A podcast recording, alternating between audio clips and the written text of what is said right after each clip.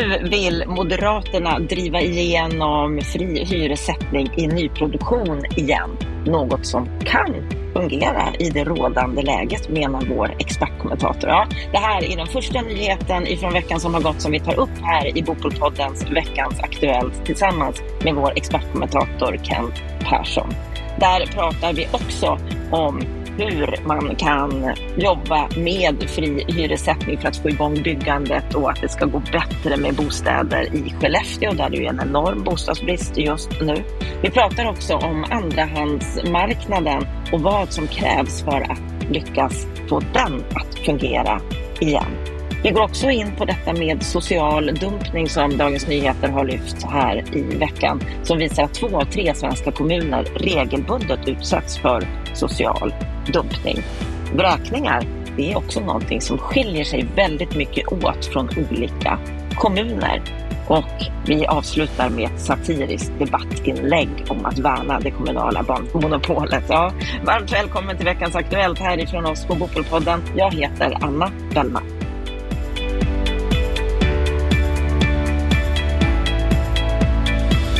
Vi börjar veckans Aktuellt med att Moderaterna på sin stämma för ett par veckor sedan beslutade att de nu ska driva frågan om fri hyressättning i nyproduktion. Henrik Broman han skriver på Smedjan att Moderaterna nu kan göra upp med decennier av skadlig bostadspolitik. Samtidigt så tycker Moderata ungdomsförbundet att det var fegt av moderpartiet att inte gå hela vägen och verka för fri hyressättning i hela beståndet. Kent Persson, som moderat, hur ser du på Moderaternas beslut i den här frågan? Att det var väl ett klokt avvägt beslut. Att Moderata ungdomsförbundet är lite sådär, det här räcker inte, det tillhör deras roll tycker jag, att eh, försöka lägga på och pressa sina moderpartier. Det gäller alla ungdomsförbund. I den här frågan så är det en klok avvägning av Moderaterna att landa ner i att man ska driva fri hyressättning på nyproduktionen. Eh, och det är också där behovet är som allra störst. Vi ser ju idag hur hur nyproduktionen av hyresrätter i princip står helt still och det krävs reformer. Och det här är en av de reformerna. Så att jag tycker att det är intressant att Moderaterna nu har tagit det här beslutet. Det gör ju också att eh, den politiska spelplanen faktiskt till delar förändras. Nu är vi i ett läge där alla tre regeringspartier är för införandet av fri hyressättning på nyproduktionen. Vi har också Centerpartiet i riksdagen eh, som är för detta. Och det här innebär ju nu att regeringen borde ganska snabbt kunna agera den här frågan. Det första de kan göra, det är att skicka ut den färdiga eh, utredningen utredning som finns på regeringskansliet, som gjordes under förra mandatperioden, att skicka ut den på remiss. Och eh, efter det så skulle man faktiskt kunna börja, börja arbeta med det här. För att tittar vi på nu regeringen eh, så är man överens i den här frågan. Man har ett samarbete med Sverigedemokraterna i ett antal eh, frågor. Bostadsfrågan är ju inte en av dem. Så bostadsfrågorna ligger utanför det här så kallade tidavtalet och det gör ju att den här regeringen nu har ett mycket större utrymme att kunna agera. Man är överens om regering och man kan nu söka eh, stöd i riksdagen. Man kommer sannolikt få Centerpartiets stöd och då kan man också börja föra diskussioner med både Sverigedemokraterna och eller eh, Socialdemokraterna. Och i den delen så vet vi att Socialdemokraterna har vid ett antal tillfällen räckt ut handen och velat ha Eh, diskussioner med regeringen om eh, bostadspolitiska reformer. Och det här är en av de reformerna som skulle vara eh, klokast att genomföra skyndsamt och det finns underlag. Så att regeringen nu behöver inte vänta, nu är det faktiskt bara att sätta fart. Ja, och det trodde vi ju för några år sedan också. Det var ju den här frågan som var så på tapeten och som fällde regeringen Löfven. Och då var det ju Vänsterpartiet som, som lyckades stoppa det. Sverigedemokraterna de var ju inte heller för det då och de är fortfarande stoppklossar även om du säger att, att, att det kanske kan gå att hitta en väg fram. Men tror du att de kommer vika sig? Jag är lite osäker på vart Sverigedemokraterna är i frågan. Vi pratar ju med de flesta partierna på lite olika sätt och Sverigedemokraterna är inte för den här reformen. Det är ju ganska tydligt när man har dem i runda bordsamtal och i paneler. Eh, samtidigt tycker jag de också skickar en signal att de förstår att, att eh, man i en helhet måste förhandla. Och då handlar det om ett givande och tagande och det som nu sker på den svenska bostadsmarknaden när det gäller just hyresrätter är ju att det står helt still. Det krävs strukturella reformer. Så att jag tror att det går att förhandla med Sverigedemokraterna också som regering. Men just i den här frågan så har ju regeringen den unika möjligheten, i och med att det inte är avtalet i Tidöavtalet, att man kan faktiskt förhandla med fler partier för att säkerställa att man får en bred majoritet i riksdagen. Och det tycker jag att regeringen ska göra. Man kan föra samtal både med Sverigedemokraterna och med Socialdemokraterna och då kommer man sannolikt kunna hitta en, hitta en lösning där man får ett brett stöd i riksdagen för detta. Men varför är Sverigedemokraterna emot, tror du? Vad är det som skulle kunna göra att det inte går att få igenom? Jag tror att de är emot lite grann av eh, det här skälet att eh, förra gången det var en diskussion kring detta så blev det en beskrivning av marknadshyra och att detta skulle bli marknadshyra i nästa steg på hela beståndet. Eh, och då ska man nog säga det att det är väl egentligen bara Liberalerna Eh, som är för fri hyressättning på hela hyresrättsbeståndet. Alla andra partier eh, har ju inte den. Alltså det, det finns inget stöd i Sveriges riksdag för att genomföra fri hyressättning på hela beståndet, eller så kallad marknadshyra. Eh, och jag tycker att Sverigedemokraterna har gått lite vilse där och tror att det här handlar om att, ett först, att det är ett första steg och sen ska man låta hela, hela beståndet. Det är det inte. Det här handlar om att, att få nyproduktion av hyresrätter att fungera. Så att det handlar nog också om att eh, återigen ännu lite tydligare pedagogiskt förklara för Sverigedemokraterna vad det innebär. Men det är också så att Sverigedemokraterna ser detta sannolikt som ens en möjlighet att förhandla eh, politik och få igenom någonting annat. Och det är väl precis så som politik ofta är, att man kan nog vara beredd att möta upp i, i vissa delar om man får bra betalt i andra delar. Så att jag tror också att Sverigedemokraterna använder just den här delen som en, en bricka i att kunna stärka sin position i andra områden, att kunna förhandla och få igenom sin politik. Precis. Som du säger så är ju ett argument för fri hyressättning i nyproduktion att man skulle kunna få ihop kalkylerna, att man skulle kunna börja bygga mer och exempelvis då bygga mer i Skellefteå som ju har en enorm bostadsbrist, något som vi pratar mycket om här i podden. Sveriges Radio de rapporterade i veckan att 400 nyanställda på Northvolt, de har ingen fast bostad. De bor på hotell, i sommarstugor, i källare och så vidare. Och Northvolt de planerar ju att anställa 150 personer i månaden framöver. Hur ser du på den här situationen?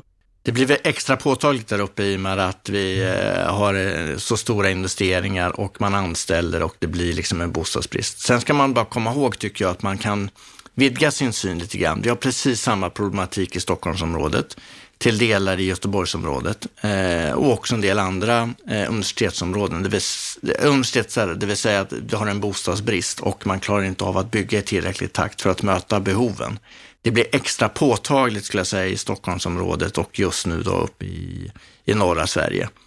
Och i grund och botten så måste man eh, förändra eh, förutsättningarna för att kunna bygga nya bostäder Eh, för att långsiktigt säkerställa detta. Kortsiktigt kanske man kan göra en del insatser, men långsiktigt måste man ändra, ändra de strukturella förutsättningarna för bostadsbyggande i Sverige. Annars kommer vi aldrig komma till rätta med detta, utan då kommer alltid finnas de här problemen när eh, vi är i tillväxtfaser där det behövs att det ska flyttas in ny arbetskraft. Och så kommer det se ut i, i Stockholmsområdet under överskådlig tid. Löser vi inte detta, då kommer heller inte Sveriges största tillväxtmotor Stockholm kunna fungera. Och nu har vi detta problem påtagligt också uppe i norra Sverige som skulle kunna leda till att de stora investeringar som, som görs i Sverige för att vara med och hjälpa till globalt i omställningen faktiskt inte fullt ut eh, får sitt genomslag och det vore ju djupt olyckligt. Mm, det här är ju ett, ett, ett, stort problem. Det här var någonting som vi pratade med länsarkitekt Elin Olsson. Hon är alltså länsarkitekt i Västerbotten. Vi hade en intervju med henne i måndagens program här i Bopolpodden. Hon har förutom sitt jobb som länsarkitekt så har hon också kartlagt andrahandshyresmarknaden och blockuthyrningar och hon har gjort ett medskick till regeringen att man behöver se över lagstiftningen inom det här området så att oseriösa aktörer kan stängas ute medan de som är seriösa uthyrare av företagsbostäder ska kunna fortsätta bedriva sin verksamhet. Och eh, Hem och Hyra, de har gjort ett stort reportage som har olika typer av bottnar i det här ämnet. Och det handlar om Leo Giertz. Han betalar just nu 90 000 kronor i månaden för en trea han räknar kallt med att få den här hyran kraftigt sänkt. Han yrkar på att den ska ligga på drygt 21 000 kronor i månaden istället. Och så påtalar han den här omtalade HD-domen om mellanhandsuthyrare som kom för ett år sedan. Och eh, han som drev just det målet, han heter Adam Weiss och han är faktiskt far till Geo Hjärt. Det här är en lite märklig historia, men far och son, de har tillsammans med advokater som hjälpte Adam Weiss i domstolen startat ett företag som ska hjälpa just andrahandshyresgäster som betalar ockerhyror. Eh, och Leo Giertz, han säger till Hem och Hyra att vi har knappt kommit igång och det finns ett intresse. Tre hyresgäster hörde av sig bara idag. Vad säger du om hela den här situationen, Kent? Att det är ju jättebesvärligt. Eh, och det är klart att det finns flera saker man behöver fundera på i detta. Det ena är ju att detta blir ju det direkta resultatet av att vi har en bostadsmarknad som inte fungerar. Sen är det ju helt eh, horribla nivåer på att betala för att få ett boende. Eh, och det kan inte vara acceptabelt. Så det är väl i den delen bra att, att det nu börjar stävjas. Så vi får väl se vart det landar. Sen vilken nivå det ska ligga på att, att hyra boenden eh, som kanske är, är fullt ut möblerade och sådär. Det tycker jag är jättesvårt att, att, att, säga om, för att det finns olika behov. En del kanske vill hyra bara för att bo ett par, tre nätter och är beredd att betala en slant för det, för att alternativet är att bo på hotell. Och det kostar ju också rätt mycket i storstadsområden att, att ta in på. Så att det är lite svårt, men att i det här läget betala så mycket för ett permanent boende i andra hand, det är alldeles för högt. Vi ska komma ihåg att om vi snäddar tillbaka lite grann till Skellefteå, så har vi fått även där medieuppgifter om att, att, eh, att vi pratar om 60-70 000 eh, på andrahandsmarknaden att, att hyra boende, kanske främst småhus och så, men det är också väldigt höga nivåer. Och det är klart att detta kan bara stävjas genom att få en bostadsmarknad som fungerar. Det är liksom det enda sättet. Annars kommer det här att finnas på ett eller annat sätt. Tror du att det är någonting som faktiskt kommer att kunna öka under den här perioden vi befinner oss i, när det är sån otrolig bostadsbrist? Exempelvis Northvolt uppe i Skellefteå som behöver så otroligt mycket bostäder och inte kan få tag på det. Kan andrahandsmarknaden bli ännu ja, mer dysfunktionell? Ja, det finns en påtaglig risk för det och det finns också en påtaglig risk för att vi kommer få se ganska dåliga former av boenden. Eh, alltså ytterst att man kanske faktiskt ställer upp och bodar och bor i. Så det är klart att det är en extremt kortsiktig lösning, men det är inte heller inte ett, ett värdigt boende. Så att jag tycker att det är, en, en det är konsekvensen av att vi under eh, väldigt lång tid i Sverige inte har en bostadsmarknad som fungerar och då får det olika typer av, av ganska bisarra genomslag. Det här är ett sånt. Det andra som vi pratar med jämna mellanrum om, om i den här podden, det är ju liksom de socialt utsatta som faktiskt då inte får ett boende överhuvudtaget och, och kan runt och har det jättesvårt. Så att, ja, det, det är tecken på att bostadsmarknaden inte fungerar och det här gör också att politiken måste öka tempot i reformerna. Det har vi efterlyst mycket. Det är många som efterlyser att man just vill ha mer över blocköverskridande reformer som verkligen fungerar och det på lång sikt. Och vi ska då gå vidare till precis det du pratar om nu, det här med mer socialt utsatta. Dagens Nyheter de lyfte i veckan frågan om social dumpning. Det är någonting som vi har pratat om en hel del här i podden, bland annat för ett par veckor sedan, då Hem och Hyra hade gjort en stor undersökning om detta. Och nu har Dagens Nyheter gjort en liknande undersökning med ungefär samma resultat. Deras enkät visar att två av tre svenska kommuner regelbundet utsätts för social dumpning. Det vill säga kommuner som har bostadsbrist, de skickar hushåll som har behov av social hjälp på något sätt till kommuner där det finns bostäder. Ofta då mindre kommuner på landsbygden där möjligheterna att få jobb är faktiskt sämre än i de här kommunerna de tidigare bodde i, ofta storstadskommuner. Två av tre svenska kommuner är utsatt för det här. Det är ju ett, det är ett stort problem, Kent. Absolut, och sker detta i strukturerad form, som man kan misstänka att det i alla fall till delar gör, så har vi ett jättestort, eh, ett jättestort problem. Och det bottnar också, igen, återigen, i att vi har en bostadsmarknad som inte fungerar. Eh, skulle den fungera så skulle inte de här problemen vara lika stora. Sen ska man komma ihåg att i ett längre perspektiv, om vi liksom drar ut tidslinjerna lite grann, så är det såklart att, att eh, de sista 10 åren, 10-15 åren, så är det också så att det är många av de här glesbygdskommunerna som också såg en möjlighet i att locka till sig nya invånare. Alltså man hade tappat tillväxt och invånare under många, många, många år och såg hur kommunerna krympte och krympte och krympte. Man hade tomma bostäder och med en ökad invandring till Sverige så var det en del av de här kommunerna som såg en möjlighet i att kunna locka till sig nya invånare och man hade en stor förhoppning om att också kunna sätta de här nya invånarna och nya svenskarna i arbete. Så att det är också så att en del kommuner eh, agerade ju aktivt för att få dit fler medborgare och det har jag också en viss förståelse för. Men sen har man inte lyckats med integration och att få dem i jobb. Så att jag tror ändå att bilden är lite mer komplex än att det är ett fåtal kommuner som övervältrar eh, hela den här problembilden på ett stort antal kommuner. Problembilden är mycket mer komplex än så. Men det är besvärande om vi har ett antal kommuner som eh, strukturerat arbetar med att flytta människor från sin kommun till andra kommuner för att helt enkelt slippa ta sitt ansvar. Det är faktiskt inte acceptabelt. En kommun som vi pratar om i det här läget, det är Nacka. Och Filip Villander som är kommunalråd där, han menar att de första två åren så står ju staten för försörjning om de inte kan klara sig själva för bland annat då nyanlända. Sen så tar kommunen över ansvaret och då uppmanar Nacka dem att flytta strukturerat, som du menar. Han, Filip Wilander, han försvarar det här agerandet. Han säger till DN att man ska inte dalta så mycket. De som kommer hit, de är som vilka andra medborgare som helst, bara att de kommer från ett annat land. Och så tillägger han att det hade varit diskriminering om den här gruppen fick förtur i bostadskön. Vi kan inte säga till folk att de inte får plats hos oss eftersom andra går före på grund av härkomst, säger han till DN. Hur ser du på hans argumentation här?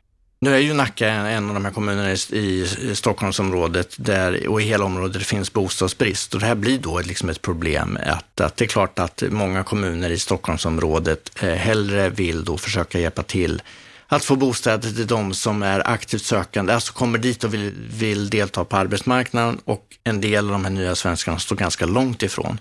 Det man kan konstatera är väl att det kommunala ansvaret och vårt samhällsansvar, det är också att hjälpa de här eh, eh som nu har kommit till vårt land och bor här och har eh, uppehållstillstånd. Det är att hjälpa dem in i både utbildning och jobb. Och det är också ett ansvar för den kommunala nivån.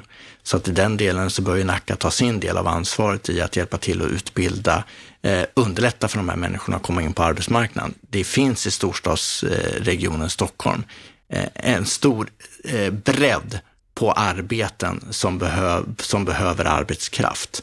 Så att det är klart att även Nacka skulle kunna vara med och bidra till att de här människorna går från utanförskap till innanförskap. Och vill du höra Filip Williander prata mer om det här, då kan du lyssna på Bopolpodden avsnitt 133, då vi samtalade en längre stund med honom om detta. Vi ska gå vidare till vräkningar. Hem och Hyra de har gjort ett reportage om vräkningar som visar att det är stora skillnader mellan olika kommuner. I Eskilstuna så har man flest vräkningar per capita som har skett eh, alla de här tre senaste åren. 77 vräkningar förra året. Och så kan man titta på jämförbara men större städer som Västerås och Örebro. De ligger på 31 och 13. Du Kent som ju jobbar på Heimstaden, ni har en nollvision mot vräkningar. Hur, hur går det med, med den nollvisionen?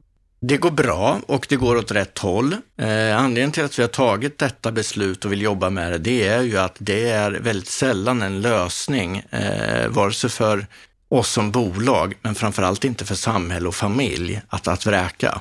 Alltså det leder oftast till att eh, den här familjen blir ännu mer socialt utsatt och kommer få det jättesvårt att komma tillbaka i arbete, utbildning och hamnar kanske i ett permanent utanförskap.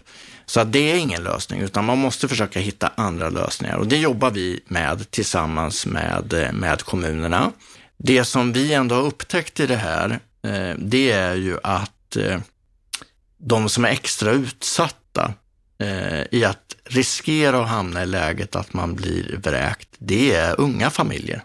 Eh, och det gör ju att vi också behöver fundera på vårt samhällsansvar, tycker jag, både som fastighetsbolag men också kanske som kommun. Det är ju hur hjälper vi unga människor eh, som är i en fas där man, eh, för oftast har man också då kommit in och start, alltså bildat familj.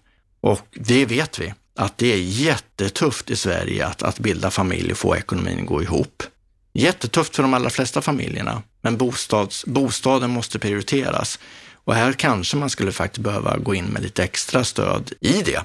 Eh, och det handlar inte bara om ekonomiska resurser i att hjälpa till att betala hyran, utan faktiskt hjälpa till att, att skapa lite struktur, ordning och reda hos familjerna. Det här måste ni betala. För vi är lite förvånade över att, att det är den gruppen som faktiskt är extra utsatt. Sen när du har kommit över och blir medelålder och uppåt så är det ju extremt få. som, som ligger i farozonen att bli eh, vräkta. De betalar sina hyror och betalar i tid, utan det är just den yngre gruppen och när man bildar familj där, där det är. Och det är ju extra allvarligt. Förstå vad hemskt eh, ur alla perspektiv att en ung familj riskerar att bli vräkt eh, och kanske får hela hela sitt liv faktiskt eh, förstört på det. Så att här behövs det mer insatser. Med det sagt så har jag också förståelse för att eh, man i flera kommuner måste arbeta med detta. Och då finns det andra bottnar i, i det här som vi då kanske inte ser i statistiken och där man ligger i lite olika fas mellan kommunerna. Vi vet ju också att det har funnits en hel del eh, felaktiga kontrakt helt enkelt och då behöver det åtgärdas och då blir det en räkning. Och det är möjligt att Eskilstuna är i en annan fas just nu i att, att ta tag i de problemen. Andra kommuner har tagit tag i det lite tidigare. Men det här reportaget då som Hem och Hyra har gjort där de visar att det är så otroligt stor skillnad mellan olika kommuner. Märker ni att det är stora skillnader mellan olika kommuner hur man jobbar med de här frågorna? Ja, det är stora skillnader mellan kommuner hur man jobbar. Och eh, det som behövs och det vi efterlyser, det är ju tidiga insatser. Det vill säga, vi flaggar ju till kommunen och vill flagga redan, eh, egentligen redan efter eh, första betalningsproblemet. Alltså ju tidigare du kommer in, desto enklare att åtgärda. För att de här kunderna drar ju på sig en skuld och väntar du för länge, då blir den här skulden så stor att det blir väldigt svårt för, för en del familjer att, att helt enkelt klara av den. Så därför vill vi flagga upp väldigt tidigt, helst redan direkt när första, eh, första problemet dyker upp. Och där tycker en del kommuner att man vill vänta lite grann med att gå in med insatser. Eh, vi vidhåller nog att ju tidigare, desto bättre och desto enklare att lösa. Sen är vi ju dessvärre i ett läge, ska man nu komma ihåg, att vi är på väg in mot sämre tider. Vi ser att kommunerna behöver spara pengar och då vet vi av, eh, historiska, av, eh, av historien kan vi lära att de som redan är utsatta, de blir ännu mer utsatta i tider av besparingar och tuffa tider. Det är här, här kommunerna drar in faktiskt stöd och resurser. Så att det finns en risk, är jag lite orolig för, det är att de kommande åren är att det är fler familjer som riskerar att bli vräkta istället för att det borde vara tvärtom nu. Det är nu vi borde gå in med insatser och verkligen säkerställa att de här utsatta familjerna åtminstone har ett tryggt boende. Vi avslutar veckans Aktuellt härifrån Bopolpodden med ett debattinlägg som den före detta statssekreteraren och Timbro-chefsekonomen Jakob Lundberg har skrivit på bostadspolitik.se. En satirisk text med rubriken Värna det kommunala barnmonopolet. Och det kommunala barnmonopolet det har tjänat vårt land i sju decennier. 1953 års barnplaneringslag kom till för att hantera effekterna av efterkrigstidens stora barnkullar och se till att barnafödandet inte bara styrs av det snäva föräldraintresset. Han skriver så här. Under de senaste åren har barnmonopolet fått kritik av en liten krets nyliberala debattörer, inte sällan med kommersiella kopplingar till blöj och vällingindustrin, så kallad Big Baby, och av enskilda barnlängtande par som getts utrymme i media. Det är förståeligt att det kan kännas frustrerande att ansöka om födelsetillstånd, men väntetiderna börjar nu minska på många håll i landet. Fler och fler kommuner erbjuder också ansökan med mobilt bank-id. Man måste komma ihåg att ansökningsavgiften utgör en mycket liten del av kostnaden för att skaffa barn. Ja, Kent, när man läser det här debattinlägget, vad menar Jakob Blomberg egentligen?